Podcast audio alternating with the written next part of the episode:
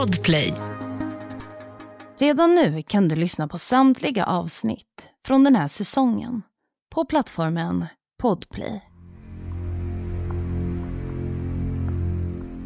Året var 1993 då en 16-årig flicka försvann spårlöst i södra Italien. Hennes familj och samhället var i chock och det fanns inga ledtrådar att följa. Tiden gick och det verkade som att fallet skulle förbli olöst för alltid. Nio år senare, år 2002, inträffade en fasansfull händelse i England.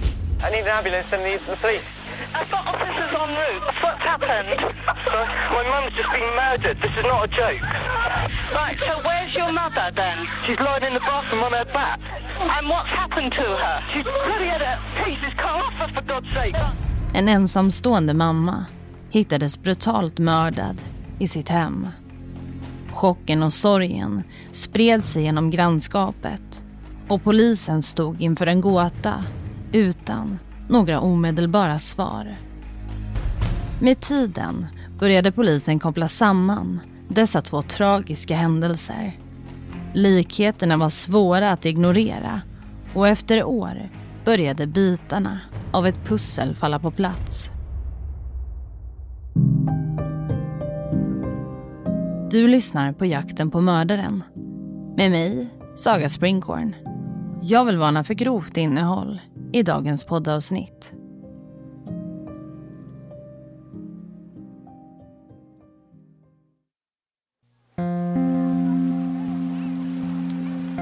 Heather, en 42-årig kvinna, bor i Bournemouth i södra England.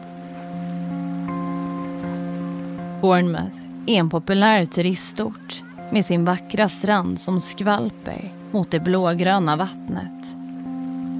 Heather bor här med sina två barn, Terry 14 och Kathleen 11. Hon arbetar som sömmerska, specialiserad på att sy skräddarsydda kuddfodral och gardiner.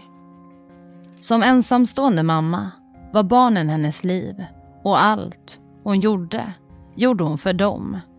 Hon var en hårt arbetande kvinna som brann för sitt yrke. Den 12 november år 2002. Klockan är strax före halv fem när Heathers barn kommer hem från skolan. Terry och Kathleen går in i lägenheten men bemöts av en ovanlig tystnad. Heather, som alltid brukade välkomna dem hem, är ingenstans att se. Terry tänker inte så mycket på det. Kanske var Heather ute på ärenden. Men Kathleen blir omedelbart orolig. Hon söker igenom lägenheten, rum för rum. Ropar efter sin mamma. Hon känner hur oron växer inom henne. Något stämmer inte. Hon har bara ett rum kvar att kolla. Badrummet på övervåningen. Hon kan inte förmå sig att öppna dörren själv och går därför till Terry för att be honom följa med. Tillsammans öppnar de dörren in till badrummet. Och där ligger deras mamma död på golvet, omgiven av blod. Kathleens känsla hade varit rätt. Något fruktansvärt hade skett. De kunde båda se att det inte var tal om en olycka. Heathers bröst var avskurna. Kroppen var täckt av knivsår och i hennes hand klämde hon en tuss med hår. Terry, fortfarande chockad men försöker behålla lugnet, tar med sig sin syster ut på gatan. Han tror det är bäst att inte vistas i lägenheten. Inte med vad de just bevittnat. Ett äldre par, grannar till dem, är ute på en promenad.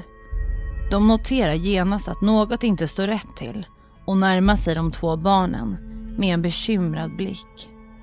De frågar försiktigt vad det är som har hänt och Terry, kämpandes mot tårarna, berättar att de hittat deras mamma död på badrumsgolvet. Nyheten slår ner som en blixt i det äldre paret. Och de kan inte annat än att stirra på de två barnen i chock och oförståelse. De tar snabbt beslutet att föra med barnen till deras lägenhet som ligger vägg i vägg med Heathers. Där väntar de på att polisen ska anlända. Grannarna försöker på bästa sätt att lugna de skärrade syskonen. Polisen är snabbt på plats. Med tunga steg går de in i Heathers lägenhet och stöter på den otäcka synen på badrumsgolvet. Liksom barnen kan de direkt konstatera att det inte rört sig om någon olycka. Heather hade mördats på ett brutalt sätt. Ja, den 42-åriga mamman Heather hittas alltså brutalt mördad i sitt hem. Vid en närmare undersökning av hennes kropp kan man se att hon har fått flera slag i bakhuvudet, sannolikt med en hammare. Och hennes hals är uppskuren. Utredarna kan snabbt konstatera att Heather inte dött i badrummet. Någon har istället dragit hennes kropp dit efter att hon avlidit. Polisen reagerar på att Heathers trosor är neddragna. De är neddragna med endast några få centimeter. En annan ovanlig detalj är en avklippt hårtuss i hennes hand. Dessutom hittar man avklippta hårbitar vid Heathers huvud. I första hand tror man att Heather håller i sitt eget hår, men det visar sig inte vara fallet. Håret i hennes hand matchar nämligen inte med hennes eget. Så medan det avklippta håret som ligger bredvid hennes huvud gör det, så gör inte det som hon håller i handen. Vems hår tillhör det? Mm, vi går vidare. Polisen spekulerar i att den brutala attacken mot Heather började i hennes arbetsrum och fortsatte genom lägenheten. Den tekniska utredningen indikerar att Heather kämpat för sitt liv. Möbler i flera rum bär spår av skador. Genom att använda ämnet luminol, som kan avslöja även bortstädat blod, kan utredarna se blodstänk spridda runt om i lägenheten. Det ser ut som att Heather kämpat en lång och brutal kamp för att överleva attacken. Slagen mot bakhuvudet anses vara dödsorsaken. Efter Heathers tragiska död förmodar utredarna att gärningsmannen hade dragit hennes livlösa kropp till badrummet. Där hade förövaren skurit av henne behån för att sedan med kall precision skära av hennes bröst med en skalpell. De avlägsnade brösten hade sedan placerats med avsikt bredvid Heathers huvud som om gärningsmannen ville skicka något slags perverst budskap.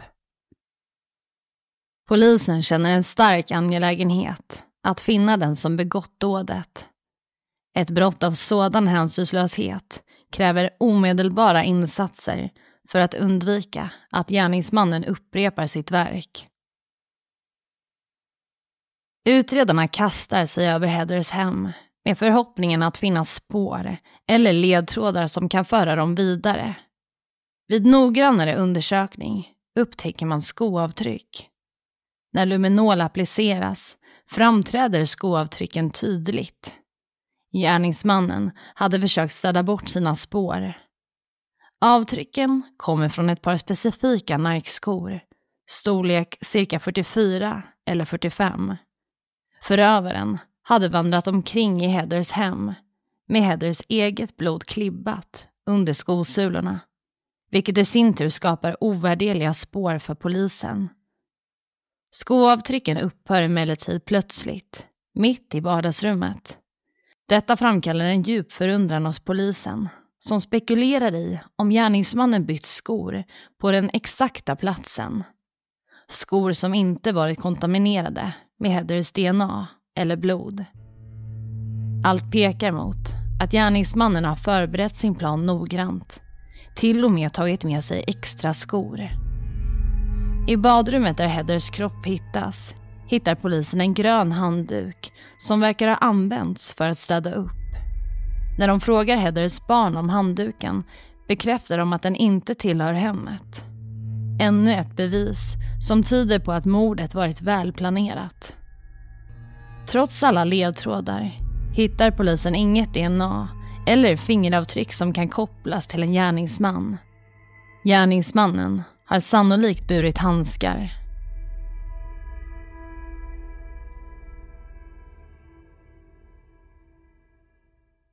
Ny säsong av Robinson på TV4 Play. Hetta, storm, hunger. Det har hela tiden varit en kamp. Nu är det blod och tårar. Fan händer just nu. Det. är Detta är inte okej. Robinson 2024, nu fucking kör vi! Streama söndag på TV4 Play. Ett poddtips från Podplay. I fallen jag aldrig glömmer djupdyker Hasse Aro i arbetet bakom några av Sveriges mest uppseendeväckande brottsutredningar. Går vi in med hemlig telefonavlyssning och, och då upplever vi att vi får en total förändring av hans beteende. Vad är det som händer nu? Vem är det som läcker?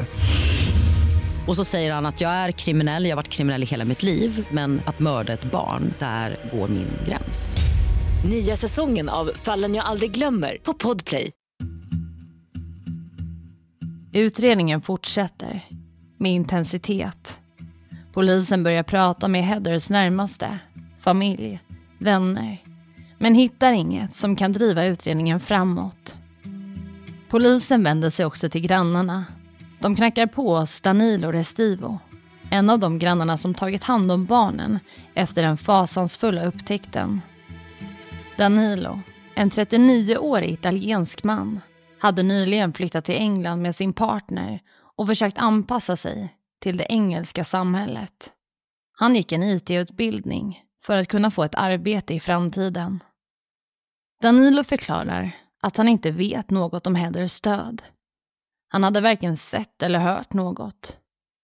Han tillhandahåller även ett alibi i form av en bussbiljett. Bussbiljetten bekräftar att han varit på väg till sin IT-utbildning vid tiden för mordet.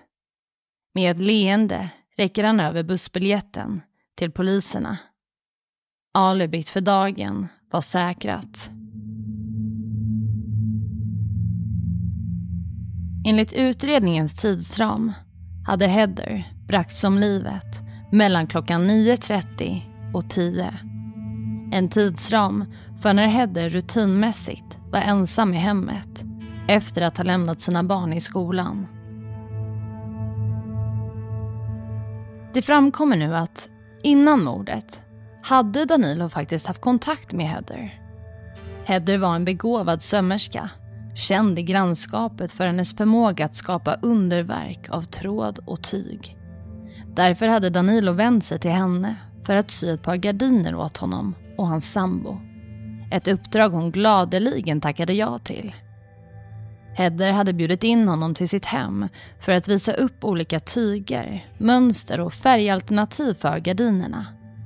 Danilo beskrev Hedder som en varm och välkomnande kvinna. Ändå lade han märke till att hon verkade något nervös. Som om hon bar på en oro eller rädsla han inte kunde placera. Inledningsvis riktade polisen inga misstankar mot Danilo, trots det märkliga i situationen. En nyinflyttad granne, den senaste personen som sett Heather och en person som även varit inne i hennes hem. Innan utredarna lämnar Danilos hem frågar en av dem vilka skor Danilo haft på sig för tiden då Heather mördades. Danilo visar in utredarna i badrummet. Något som snabbt skickar kalla kårar längs ryggraderna.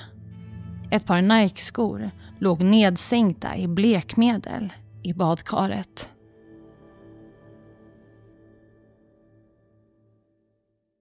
Märkligt nog, när skorna togs in för analys visade det sig att de inte matchade avtrycken från mordplatsen. Trots det bizarra i situationen, att ha ett par skor blötlagda i blekmedel, var det inget definitivt bevis som bundit Danilo till brottet. Men för poliserna hade dessa skor ändå gjort Danilo till en person av intresse. Efter att ha granskat Heathers dator och mobil snubblade poliserna över ett mejl till Heathers syster där hon berättade om ett märkligt möte med Danilo. Danilo hade inte haft någon aning om vilken typ av gardin han ville ha. Trots att det var meningen att de skulle vara specialbeställda. Mer oroande var att efter besöket hade Heather märkt att hennes extra nyckel till lägenheten saknades. Hon misstänkte Danilo, vilket hade fått henne att byta alla lås i lägenheten. Danilo blev en mer betydande person av intresse.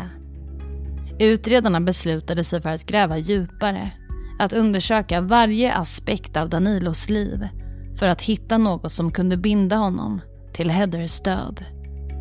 Och under denna granskning upptäckte de att Danilo inte var så obekant med brottsutredningar som de först trott.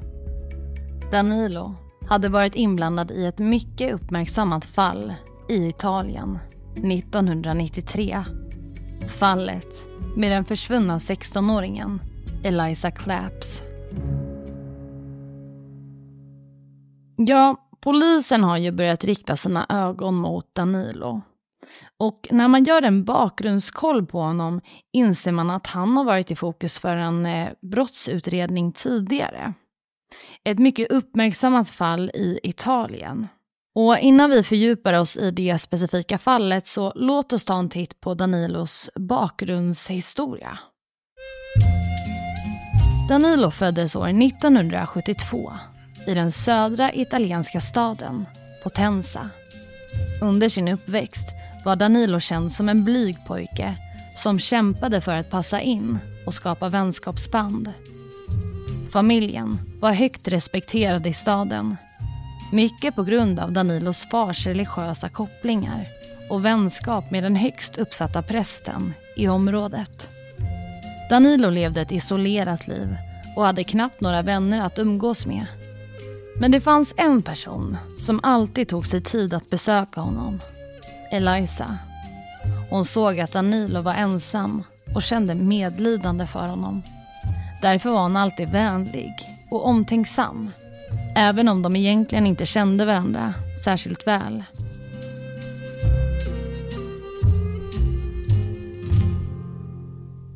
Med tiden började Danilo känna sig allt mer förälskad i Eliza. Han beundrade hennes vänlighet och omtanke och han önskade innerligt att hon skulle bli hans.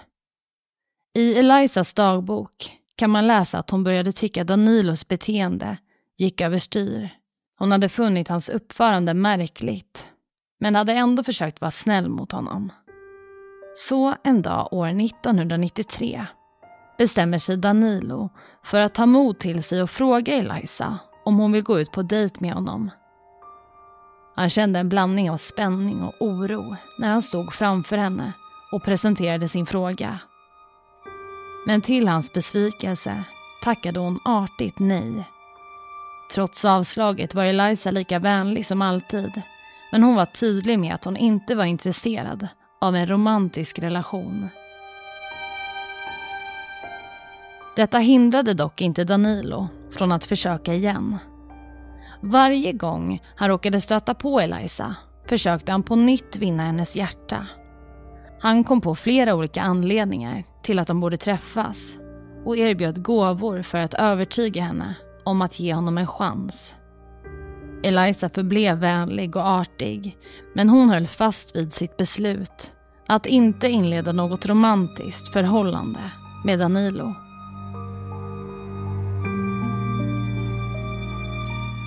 Tiden gick och Danilo blev allt mer desperat. Han insåg att hans chanser att få Eliza att älska honom var minimala. Så en dag beslutade han sig för att berätta för Eliza att han nu hade utvecklat känslor för hennes bästa vän istället. Den 12 september år 1993. Danilo hade äntligen samlat mod nog att fråga Eliza om de kunde träffas i stadens kyrka. Han var noga med att betona att det inte skulle vara en dejt den här gången. Han behövde bara råd från Eliza om hur han skulle ta kontakt med hennes bästa vän som hade fångat hans intresse. Eliza alltid snäll och tillmötesgående, accepterade inbjudan. Men det fanns en förutsättning för att hon skulle få gå. Hon var tvungen att ha en kompis med sig. Elisas familj var medveten om träffen och insisterade på att hon inte skulle gå ensam. Så Elisas vän mötte upp henne och tillsammans gick de till kyrkan. Men när de väl kom fram lämnade vännen platsen. Det visade sig att hon bara hade följt med Eliza till kyrkan för att tillfredsställa föräldrarnas önskan om att Eliza inte skulle gå ensam. Ny säsong av Robinson på TV4 Play. Hetta, storm, hunger. Det har hela tiden varit en kamp. Nu är det blod och tårar. Fan händer just nu. Det. är Detta är inte okej. Robinson 2024, nu fucking kör vi! Streama söndag på TV4 Play. Poddtips från Podplay. I podden Något Kaiko garanterar östgötarna Brutti och jag, Davva, dig en stor dos skratt.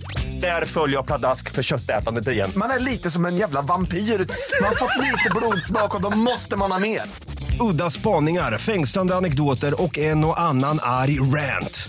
Jag måste ha mitt kaffe på morgonen för annars är jag ingen trevlig människa. Då är du ingen trevlig människa, punkt. Något Kaiko, hör du på Podplay. Därför är När kvällen nalkades och timmar passerat hade Eliza ännu inte kommit hem. Hennes oroade bror, som visste om hennes planerade möte med Danilo, bestämde sig för att gå till Danilos hus och konfrontera honom. När Danilo öppnade dörren möttes han av Elizas bror, som genast märkte av hans nervositet. Danilo stammade och mumlade sina ord och brorsan insåg att något inte stod rätt till. Det var inte typiskt för Eliza att inte hålla sina tider och brorsan började ana att något allvarligt hänt. I panik sprang Elizas bror till kyrkan för att leta efter henne. Men dörrarna var låsta. Frånvaron av Eliza fick honom att känna ännu större oro och han skyndade sig sedan till polisstationen för att rapportera hennes försvinnande. Men för polisen, vid den tiden, verkade det inte vara en prioriterad händelse. Ungdomar har alltid haft en tendens att rymma hemifrån för att sedan dyka upp några dagar senare. Men Elizas familj visste att något inte stämde. Hon älskade sitt liv och hade mål och drömmar för framtiden. Varför skulle hon ha rymt? Familjen började sin egen intensiva sökning efter Eliza. De knackade på dörrar, intervjuade vänner och bekanta och spred flyers med Elizas bild över hela staden. De vägrade att ge upp hoppet och kämpade för att få ett svar. Under de följande månaderna genomgick Elizas familj en berg och dalbana av känslor. Sorg, ilska och förtvivlan var ständiga följeslagare. De växlade mellan att hoppas på det bästa och att frukta det värsta. I takt med att tiden gick började historien om Elisas försvinnande sprida sig i samhället. Människor engagerade sig och slöt upp för att hjälpa till i sökandet. Sökgrupper organiserades och volontärer gick igenom skogar, parker och övergivna byggnader i hopp om att hitta några ledtrådar som kunde avslöja Elizas öde. Historien om Eliza och hennes försvinnande blev en varningssignal för hela samhället. Föräldrar höll sina barn närmare och ungdomar blev medvetna om farorna som lurade i skuggorna. Tiden fortsatte att gå och Eliza återvände inte till sitt hem. Med varje passerande dag ökade oron och rädslan. Till slut blev det omöjligt att förneka att något allvarligt hade hänt. En fullskalig utredning sattes igång och Elizas försvinnande fick polisens uppmärksamhet. Efter att ha fått informationen om Elizas sista kända möte med Danilo bestämde sig polisen för att ta in honom för förhör. Danilo släpptes in i det kalla och sterila förhörsrummet och där började han gråta. Skuldkänslorna tyngde på honom och tanken på att Eliza var försvunnen på grund av deras sista möte var överväldigande. Danilo berättade för polisen om deras träff i kyrkan. Han berättade hur han hade bett om råd från Eliza om hur han skulle närma sig hennes bästa vän. Men när Eliza kom till kyrkan hade han lagt märke till att något var fel. Hon var rädd och upprörd och berättade för honom om ett obehagligt möte med en grupp killar på vägen dit. De hade trakasserat henne och varit närgångna, vilket hade skrämt henne.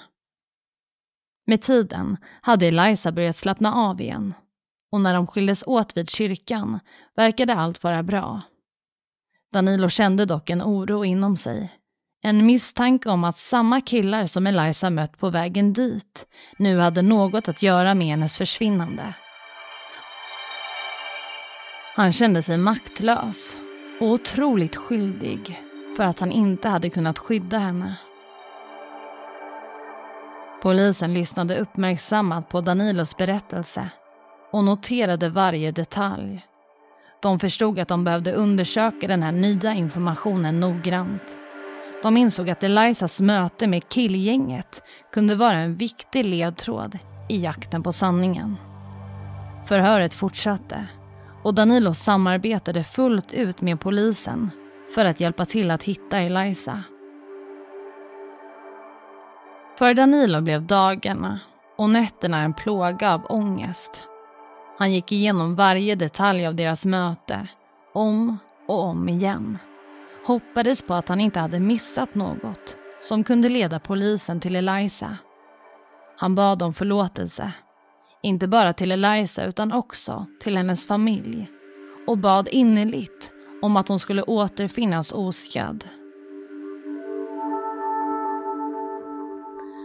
Polisen arbetade obönhörligt med fallet och efter flera veckor av intensivt arbete hittade de äntligen några ledtrådar som pekade mot de killar som Eliza mött på vägen till kyrkan.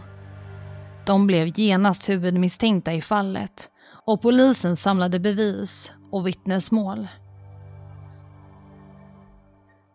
För Elizas familj och vänner innebar det ett nytt hopp.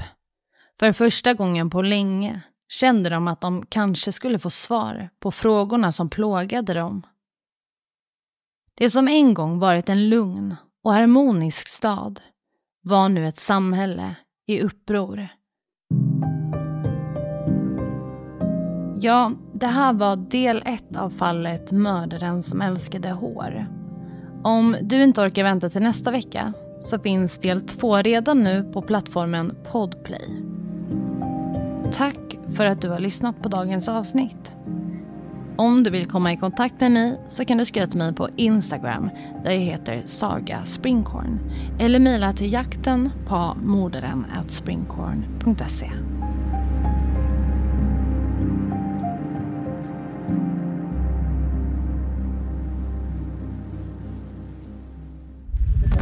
Podplay, en del av Ny säsong av Robinson på TV4 Play. Hetta, storm, hunger. Det har hela tiden varit en kamp. Nu är det blod och tårar. Fan händer just nu. Det. är Detta är inte okej. Robinson 2024, nu fucking kör vi! Streama söndag på TV4 Play.